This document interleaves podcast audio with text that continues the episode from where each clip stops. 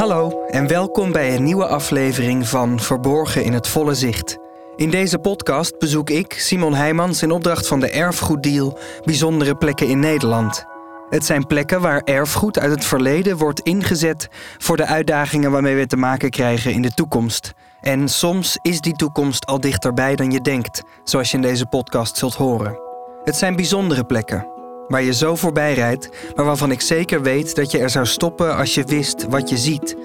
Ze liggen verborgen in het volle zicht en in deze podcast gaan we ze ontdekken.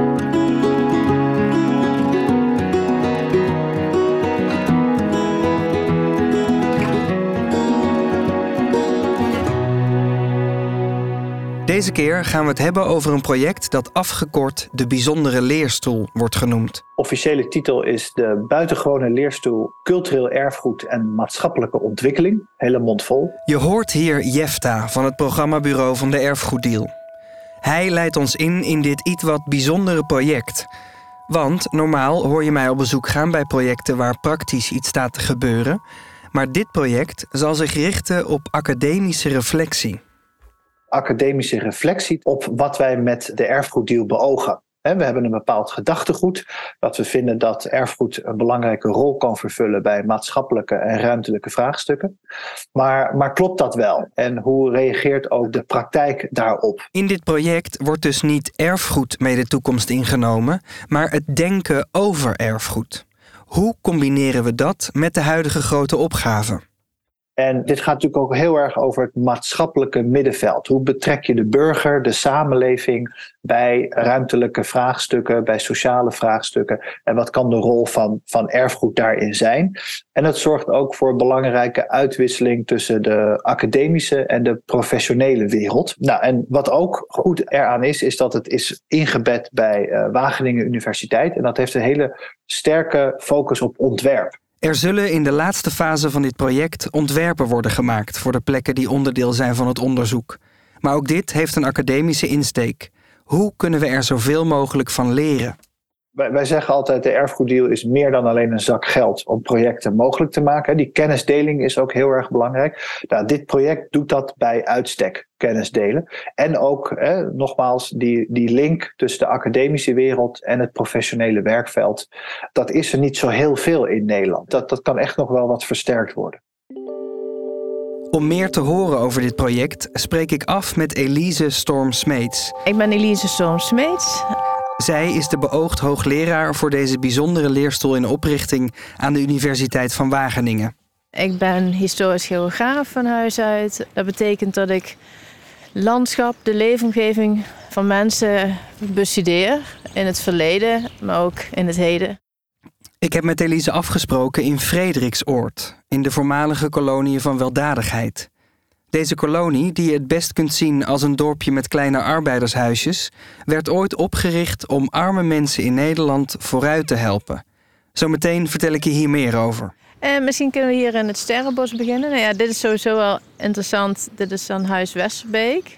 En eigenlijk is het vanuit dit huis en dit landgoed is het een beetje begonnen, zeg maar. Dat is dan toen opgekocht door uh, ja, de nieuwe maatschappij voor weldadigheid. En van hieruit is men gaan ontginnen. Dus dit is zeg maar het begin van, uh, van de kolonie. En hier woonde dan eerst ook Jannes van der Bos en later zijn broer. En, dus het is wel mooi, maar daar hoort dus ook een sterrenbos bij.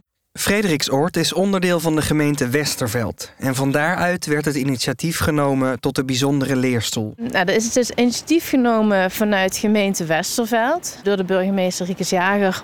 Uh, die heeft gezegd: Wij vinden onderwijs belangrijk. Hè? Ook vanuit de maatschappij van weldadigheid was dat een van de dingen. En dus met die gedachtegang heeft hij gezegd: wij willen onze eigen buitengewone bijzondere leerstoel. Die burgemeester, Riekes Jager.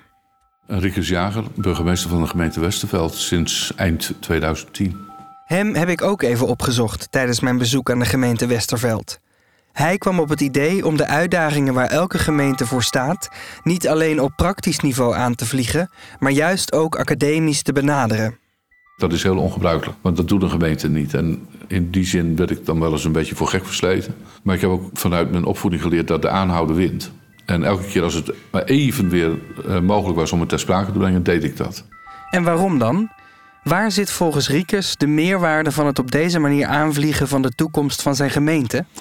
Ik hoop dat de leerstoel A oplevert dat, wat het bijzonder is, er zijn twee dragers. Hè. Dat is dan de, de, de omgeving, de sociale kenmerk en uh, de, de landelijke inrichting. Dus het, de land- en tuinbouw die hier toen op een gegeven moment gevestigd is... om te zorgen dat er ook een bestaan kon worden opgebouwd voor die mensen. Dus de leerstoel zou eraan moeten bijdragen. In hoeverre kunnen we wel zorgen dat die land- en tuinbouw zodanig duurzaam en ingepast kan blijven. Dat die ook kan blijven bestaan met de huidige klimatologische en ecologische eisen. Het gaat er dus om juist niet meteen in praktische ontwerpen te denken, maar juist uit te zoomen en te kijken naar de waarde van het erfgoed. Wat heeft een plek ooit betekend en wat betekent het nu? En hoe kunnen we dat behouden, maar de plek ook mee laten transformeren naar de behoeften die er zijn in de toekomst? Om daar academisch onderzoek naar te laten doen, is onder de vlag van de Universiteit van Wageningen historisch geograaf Elise Storm-Smeets aangetrokken. Met haar loop ik nog steeds door het Sterrenbos in Frederiksoord. En Elise is het vanuit haar werk als historisch geograaf gewend om uit te zoomen. En wat ik wel interessant vind is als, je, als we nadenken, zeg maar, ook in termen van nou ja, erfgoed ensembles en systemen. Dat betekent dat wij dus niet meer objectgericht en gebiedsgericht kijken, maar betekent ook dat we veel meer nadenken in termen van adaptatie en transformatie. Want zo'n ensemble of systeem, als hij niet meer kan adapteren of transformeren of leven blijven, dan, ja, dan houdt hij op, zeg maar. Dan is hij er ook niet meer. Dus de vraag is, mag hier nog verder adaptatie en transformatie plaatsvinden terwijl het werelderfgoed is. Dit klinkt misschien wat abstract, maar we lopen niet voor niks in Frederiksoord. We duiken even in de historie van deze plek om je dan later uit te kunnen leggen hoe Elise en haar promovendi kijken naar erfgoed. Nou, de uh, kolonie zijn in 1818 eigenlijk is het idee begonnen met de maatschappij van weldadigheid. En er was een uh, militair, Johannes van der Bos, die zag dus al die nou arme sloebers. Geen dak, geen werk, geen inkomen, geen vooruitzicht. Die had dus bedacht van nou weet je wat, als we nou opvoeden tot gezonde, hardwerkende arbeiders, dan komt het allemaal goed. De koloniën van weldadigheid werden opgericht door Johannes van den Bos, die het idee had om armen en daklozen uit de randstad aan het werk te zetten in de landbouw en turfwinning in het oosten van het land. Zo zouden ze worden opgevoed tot nette mensen en ondertussen ook een vak leren. Ze kregen een huisje en een stukje land om eigen eten te verbouwen, en al die huisjes samen vormden de arme kolonie. Het idee achter de koloniën van weldadigheid om mensen een nieuwe toekomst te bieden was mooi. Maar ja, je zult ook zien als we hier zo lopen, ja, je kunt daar een paar koloniehuisjes zien. Hier ook. Het zijn best wel relatief kleine huisjes op hetzelfde architectuur gebouwd, hetzelfde plan ook. Je kreeg zoveel land erbij voor eigen aardappels of uh, wat je ook wilde eten. Maar in de praktijk werkte het niet altijd. En je kreeg ook meubels meegeleverd en kleren meegeleverd. Alleen dan bleek dat sommige meubels gingen verkopen om toch geld te hebben om naar de kroeg te gaan of zo. En nou ja, dat is niks zo menselijk als een mens, zeg maar. En het idee is relatief simpel. Zeg maar door de ontginning van het land en het cultiveren van het land cultiveer je ook de mens. Prachtig mooi, simpel idee. Alleen het werkte niet altijd. Om te helpen bij het slagen van die heropvoeding was de arme kolonie opgezet volgens een strak plan. Dat zie je ook, het is heel strak opgezet. Met daar wonen de kolonisten, daar woont de dokter en duidelijke sociale hiërarchie herkenbaar in het landschap. Maar als je dan gaat verder denken, ja, maar er zijn dus niet echt sociale ontmoetingsplekken ontworpen in het landschap, behalve de, de school waar je naartoe moest of de kerk waar je naartoe moest. Dus er werd wel heel veel aan sociale voorzieningen gedaan, maar heel erg top-down bedacht. En dit betekent dat ook vandaag de dag, nu de koloniën niet langer in gebruik zijn, maar deze plek gewoon een dorp is, er in de opzet nog steeds geen plekken zijn ingericht om bijvoorbeeld samen te komen voor sociale gelegenheden. Dat was tenslotte niet het doel waarmee de koloniën zijn gebouwd.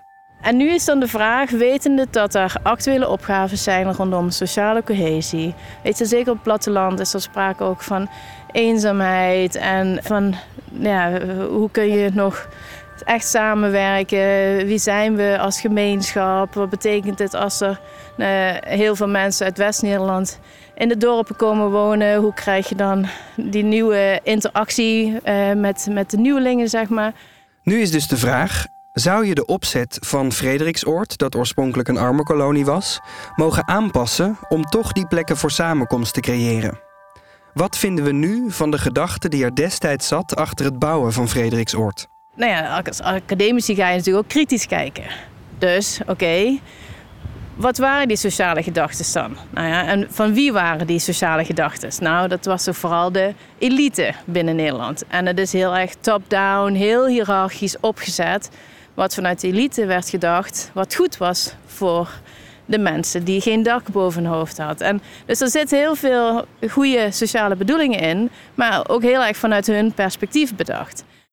Op deze manier kijken naar de huidige opgaves en daarbij diepgaand reflecteren op die historie is uniek voor deze leerstoel, waarvan Elise binnenkort officieel hoogleraar zal zijn. En als je vanuit die nieuwe actuele sociale opgaves gaat nadenken en weet je, wetende dat je in een UNESCO-werelderfgoed zit met een hele strakke hiërarchie, mag je gaan ontwerpen. Kun je ontwerpen eh, met de mensen van nu binnen dat historische stramien? Het zijn vragen die niet alleen gelden voor Frederiksoord, maar voor ons hele land. Hoe maken we ons klaar voor de toekomst zonder daarbij ons erfgoed uit het oog te verliezen, wetende dat we het niet onder een stolp kunnen zetten en kunnen bevriezen in de tijd? De druk op de ruimte is natuurlijk enorm in ons kleine landje. We willen heel veel met heel veel mensen. We willen natuur, we willen recreatie, we willen wonen, we willen werken, energietransitie, klimaatadaptatie ja, ga zo maar door. En dat is, is ook al vaak genoeg uitgerekend van nou, we zouden een paar keer Nederland moeten hebben om dat alles te kunnen doen. Dus dat kan niet. Dus we moeten ook samen slimme keuzes maken. In het onderzoek van Elise en de twee promovendi die zij onder haar hoede heeft, wordt ook steeds gekeken naar hoe kunnen we de huidige bewoners van een gebied betrekken bij het vernieuwingsplan. Participatie en co-creatie. Ja, het zijn academische eh, aanstellingen, dus eh, er wordt gewoon echt onderzoek gedaan. Nou ja, ik ben dan vooral bezig als associate professor met nieuwe erfgoedbenadering, op een nieuwe manier kijken naar erfgoed, op een nieuwe manier kijken naar participatie en co-creatie. En ook met andere erfgoedinstellingen en universiteiten bezig om een handboek op te zetten over erfgoedparticipatie en sociaal-maatschappelijke betekenissen. Dat, dat is dus meer mijn taak. En de promovendi begeleidt natuurlijk. En de twee promovendi hebben allebei hun eigen onderzoek hier in Drenthe en ook Overijssel. Een van die promovendi die onder begeleiding van Elise onderzoek doet, is Floor van Geels. Mijn naam is Floor van Geels. Ik ben uh, promovendus bij de Wageningen Universiteit. En uh, ik heb een achtergrond als landschapsarchitect. En mijn onderzoek gaat eigenlijk over uh, landschapsarchitectuur en erfgoed. Met haar loop ik door het Nationaal Park de Were Bewiede. Een uitgestrekt natuurgebied met veel water waar riet groeit. Dat wordt gebruikt om daken te bedekken. Dat riet wordt hier al tientallen jaren gesneden door retailers die in dit gebied een eigen subcultuur vormen. En naar die rietcultuur doet Floor hier onderzoek. Nou, we zijn hier eh, in de Wiede omdat eh, de Weerribbe een van mijn onderzoeksgebieden is. Daar ga ik kijken naar eh, hoe het landschap zich door de tijd heen heeft ontwikkeld, hoe dat is getransformeerd. Maar een belangrijk onderdeel is ook de rietcultuur, die al heel lang onderdeel is van, eh, van het landschap. En nou ja, nog steeds daar een belangrijk onderdeel van uitmaakt. We zijn op een half uurtje rijden van Frederiksoord, waar ik eerder was. Onderweg waren er al steeds meer grote stapels te zien van bossen riet, die op het moment dat ik hier ben in het prille voorjaar worden binnengehaald door de retailers die hier wonen en werken. Het gebied is eigenlijk ontstaan door de turfwinning. Maar op een gegeven moment was dat turf op. En toen zijn mensen iets anders gaan doen. En een onderdeel daarvan is die rietcultuur. En die rietcultuur maakt nu nog onderdeel uit van eigenlijk het beheer. Nog steeds zijn er rietsnijders die echt hun brood verdienen met het uh, snijden van dekriet uit het gebied. Floor kijkt voor haar onderzoek met een academisch oog naar de Weren Bewiede. Maar ze heeft ook een achtergrond als landschapsarchitect. Wat ziet ze als ze met dat oog kijkt? Op dit moment zie ik natuurlijk niet zoveel. Ik zie vooral riet. Ja, omdat ik al wel wat meer weet over het gebied en ook over de ontstaanswijze en de manier waarop er nu uh, door, met die, door die ook uh, uh, wordt omgegaan. zie ik gewoon eigenlijk een heleboel lagen door elkaar. Dus ik weet dat het een heel nat gebied is. En je ziet al het riet boven de grond. En je ziet dan die boompjes en andere uh, beplanting daar tussendoor omhoog schieten. Maar eigenlijk willen we dat niet, want dat is niet goed voor de, voor de vogels die juist het heel goed doen uh, in dat rietgebied. En waar we net ook waren, zie je ook heel mooi dat, nou ja, dat het ook door de tijd heen heel erg verandert. Niet alleen maar door de, door de eeuwen heen of door tientallen jaren, maar ook door het seizoen heen. Dus hè, het riet groeit, je hebt jong riet, je hebt oud riet. In de winter is het allemaal uh, nou ja, meer een beetje die, uh, die beige kleur. En dan wordt het riet uh, gesneden en dan is het opeens weer helemaal kaal en open. En dan kan je heel ver kijken. Een super dynamisch landschap dus, dat het hele jaar door verandert en toch door de eeuwen heen eenzelfde karakter heeft behouden. Ook in dit gebied, je hoorde het net al even, het is Natura 2000 gebied, moet gekeken worden naar de toekomst. En daar komt Floors onderzoek in beeld. De beginvraag is eigenlijk uh, wat kunnen we leren uit het verleden voor de ruimtelijke opgave in het heden en uh, richting de toekomst. Om de natuurwaarde te behouden zullen er misschien ingrepen gedaan moeten worden. Maar hoe gaan we dan om met de erfgoedwaarde van de rietcultuur in dit gebied? Die rietcultuur maakt nog steeds een belangrijk onderdeel uit van het gebied, maar het staat wel onder druk. Enerzijds economisch, maar anderzijds ook ruimtelijk. Want een deel van het, van het restafval wordt verbrand. En nou ja, in de discussie rondom de CO2-uitstoot, klimaatverandering, stikstof is dat een uh, discussiepunt.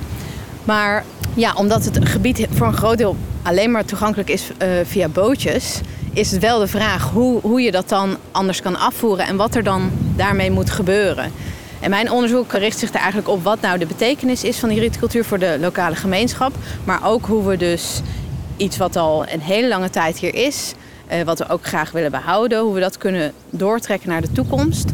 Maar wel op een manier ja, dat ook past in, uh, in de huidige ruimtelijke discussies die er spelen. Ik vraag Floor wat zij hier dan in kan betekenen. Nou, enerzijds bestaat het wetenschappelijk onderzoek wel uit literatuuronderzoek. Maar wat het zo leuk maakt hier, de manier waarop het onderzoek eigenlijk gecombineerd wordt met vragen uit de lokale gemeenschap, is dat we ook kijken naar uh, kaartenanalyses, uh, de, de ruimtelijke ontwikkeling van het gebied. Dus hoe is dat veranderd door de tijd heen? We duiken het archief in, maar we gaan ook met lokale gemeenschap interviews doen en verhalen ophalen. En dan komt er aan het einde van het onderzoek ook nog een ontwerpfase, waarin met alle opgedane kennis een plan wordt gemaakt voor dit gebied. Ook het ontwerpend onderzoek, en dat is eigenlijk de laatste fase als we gaan nadenken over die toekomst. Dan wil ik ook graag met de lokale gemeenschap dat ontwerpend onderzoek gaan doen. Zodat we echt met elkaar gaan nadenken over hoe die toekomst er dan uit moet zien. Want juist in dit superdynamische landschap is het sociale aspect, de mens, de constante. En om dat echt te kunnen navoelen, heeft Floor geregeld dat ik met een van de retailers hier op een bootje door het gebied mag varen. Nou, ik denk dat met de retailer in een bootje op pad door dit gebied, dat dat echt de, de meest unieke manier is om dat gebied te ervaren. En ook het enthousiasme en, en, en het, de passie van die mensen over te kunnen krijgen. Dus zij kennen het gebied natuurlijk helemaal op hun duimpje. En dat is zo leuk uh, als je met zo iemand uh, op pad bent om dat uh, mee te krijgen. Floor heeft voor mij een afspraak geregeld met Wout van der Belt. Wout. Yes, goedemorgen. Pak even mijn jas. Retailer Wout haalt me op in zijn bootje. Want dat is de enige manier om je te verplaatsen in dit uitgestrekte natuurgebied. Vanaf half december tot half april is Wout zes dagen in de week in het riet om te maaien en vervolgens grote bossen te maken van de stengels. Goedemorgen. Simon, hallo. Het is voor jou al bijna middag, begreep ik. Oh. hey, ik ga alles weer weg, dus ja. Ja, precies. Ik ga alles uit. Wout vertelt me dat hij om half zeven begint met werken. Om half tien drinkt hij koffie en om kwart over twaalf luncht hij tot het weerbericht van half één.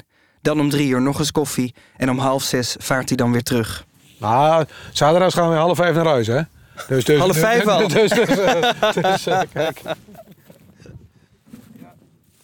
Alles gaat volgens een vast ritme. Zoals de dag een ritme heeft voor Wout, heeft ook het jaar van een retailer zijn eigen ritme. Nou, als dat riet uh, zeg maar gemaaid is en het is, uh, het is uh, verwerkt, dan, dan begin mei dan gaan we dat doorbinden. Dus we maken nu veldbossen. En dan worden al die veldbossen worden verkleind in bosjes met een omtrek van 55 centimeter. En um, dat is dan zo'n beetje eind mei allemaal zo'n beetje afgerond. Dan gaan we nog vaak nog eens een weekje weg. En half juni, dan, dan doe ik de overstap naar alleen maar natuurbeheer. Dan maaien we land. En dat is ongeveer ja, half augustus afgewerkt. Tussendoor probeer ik nog een beetje te vissen. Ja, dan is eigenlijk het werk in het gebied uh, is klaar. Dus dan doe ik nog, uh, nog wat klusjes. Tot het weer december is en dan maak ik de machines weer klaar. En, dan, uh... en dat ritme gaat ook al generaties lang terug. Ja, ik ben daarin terechtgekomen. Ik ben er zo ingegroeid. Ja, mijn broer, mijn vader was al gestopt. En mijn broer heeft dat overgenomen. Mijn broer heeft het mij geleerd. Dus van een jaar of tien ga je mee en dan word je besmet met dat virus. En zoals het land hier elk jaar groeit en slinkt... met het riet dat vanaf de grond zo'n anderhalve meter groeit... voor het weer gemaaid wordt... zo heeft ook die jaarlijkse cadans invloed op de rietteler zelf. Mijn vader die deed het allemaal met de hand, met de zijs en met het rietsnit. Toen in de 60 jaren kwamen de eerste machines. Dat heeft het werken wel wat lichter gemaakt. Nou is het nog steeds fysiek zwaar hoor. Want ik heb uiteindelijk gehad dan, dan viel ik Winters uh, 15 kilo af. Dat ritme van de mens en de natuur. Daarin schuilt misschien wel de erfgoedwaarde van deze plek. En dat willen we behouden. Maar daarin komen we in de nabije toekomst wel voor wat uitdagingen te staan. Waar het eerst vanzelfsprekend was dat de zoon het werk van vader overnam, gebeurt dat steeds minder. Maar dat is net juist nu het, eh, het, het punt. Er is, uh, er is weinig instroom meer van onderop, omdat de jeugd uh, ja, die heeft natuurlijk nu veel andere kansen. En de opbrengst van het land gaat achteruit. Het, is, het ene jaar is altijd een beetje beter dan het andere jaar, maar gemiddeld genomen wordt het steeds minder. En dat gaat, de ene keer gaat het wat harder dan de andere keer, maar we krijgen steeds minder opbrengst van dezelfde hectares. Hoe kan het zijn dat mijn vader in de 50 en 60 jaren duizend bosjes op een hectare sneed en dat ik er nu maar 450 heb? En ook de manier waarop gewerkt wordt, moet opnieuw bekeken worden. Want nu wordt al het maaiafval nog op de plek waar het gemaaid is verbrand. En uh, alleen de gladde stengel gaat naar de riedekker toe. Dus uh, wij moeten alle, alles wat er verder in zit, dat moet eruit gehaald worden. Dat, uh, nou, dat is op hoopjes en dat wordt verbrand. Wij kunnen, wij kunnen dat nu nog. We hebben daar nog een ontheffing. we krijgen elk jaar een ontheffing van de, van de gemeente. Omdat er geen andere mogelijkheden zijn. Dit is in het kader van de luchtvervuiling en de klimaatverandering niet meer wenselijk. Maar het afvoeren van al dit afval lijkt ook onmogelijk, omdat dit gebied alleen met kleine bootjes bereikbaar is. Over al deze uitdagingen wordt in het kader van de bijzondere leerstoel van de Wageningen University nagedacht door onder andere Floor en Elise. Om zo tot een plan te komen waarmee dit prachtige gebied met zijn eigen ritme meegenomen kan worden de toekomst in. Want dat is belangrijk. Beter dan Wout het zei, kan ik het niet samenvatten. Luister maar. Dus ja, ik heb wel heel sterk het gevoel dat ik hier hoor. En het is ook mijn gebied. En het heeft niks met, met eigendom te maken. Het, het is, ja, dat zeg ik wel veel vaker, maar uh, ja, als ik ergens vaar uh, hier in het gebied, dan, dan ja, dat, dat doet me wat. Je luisterde naar Verborgen in het Volle Zicht, een podcast van Simon Heijmans in opdracht van de Erfgoeddeal. Muziek in deze podcast is van Amir Vahidi. De audiomix wordt gedaan door Sam Huisman. Productie en aanvullende montage is in handen van Bengt Kropmans. Wil je meer weten over wat de Erfgoeddeal doet? Kijk dan op www.erfgoeddeal.nl.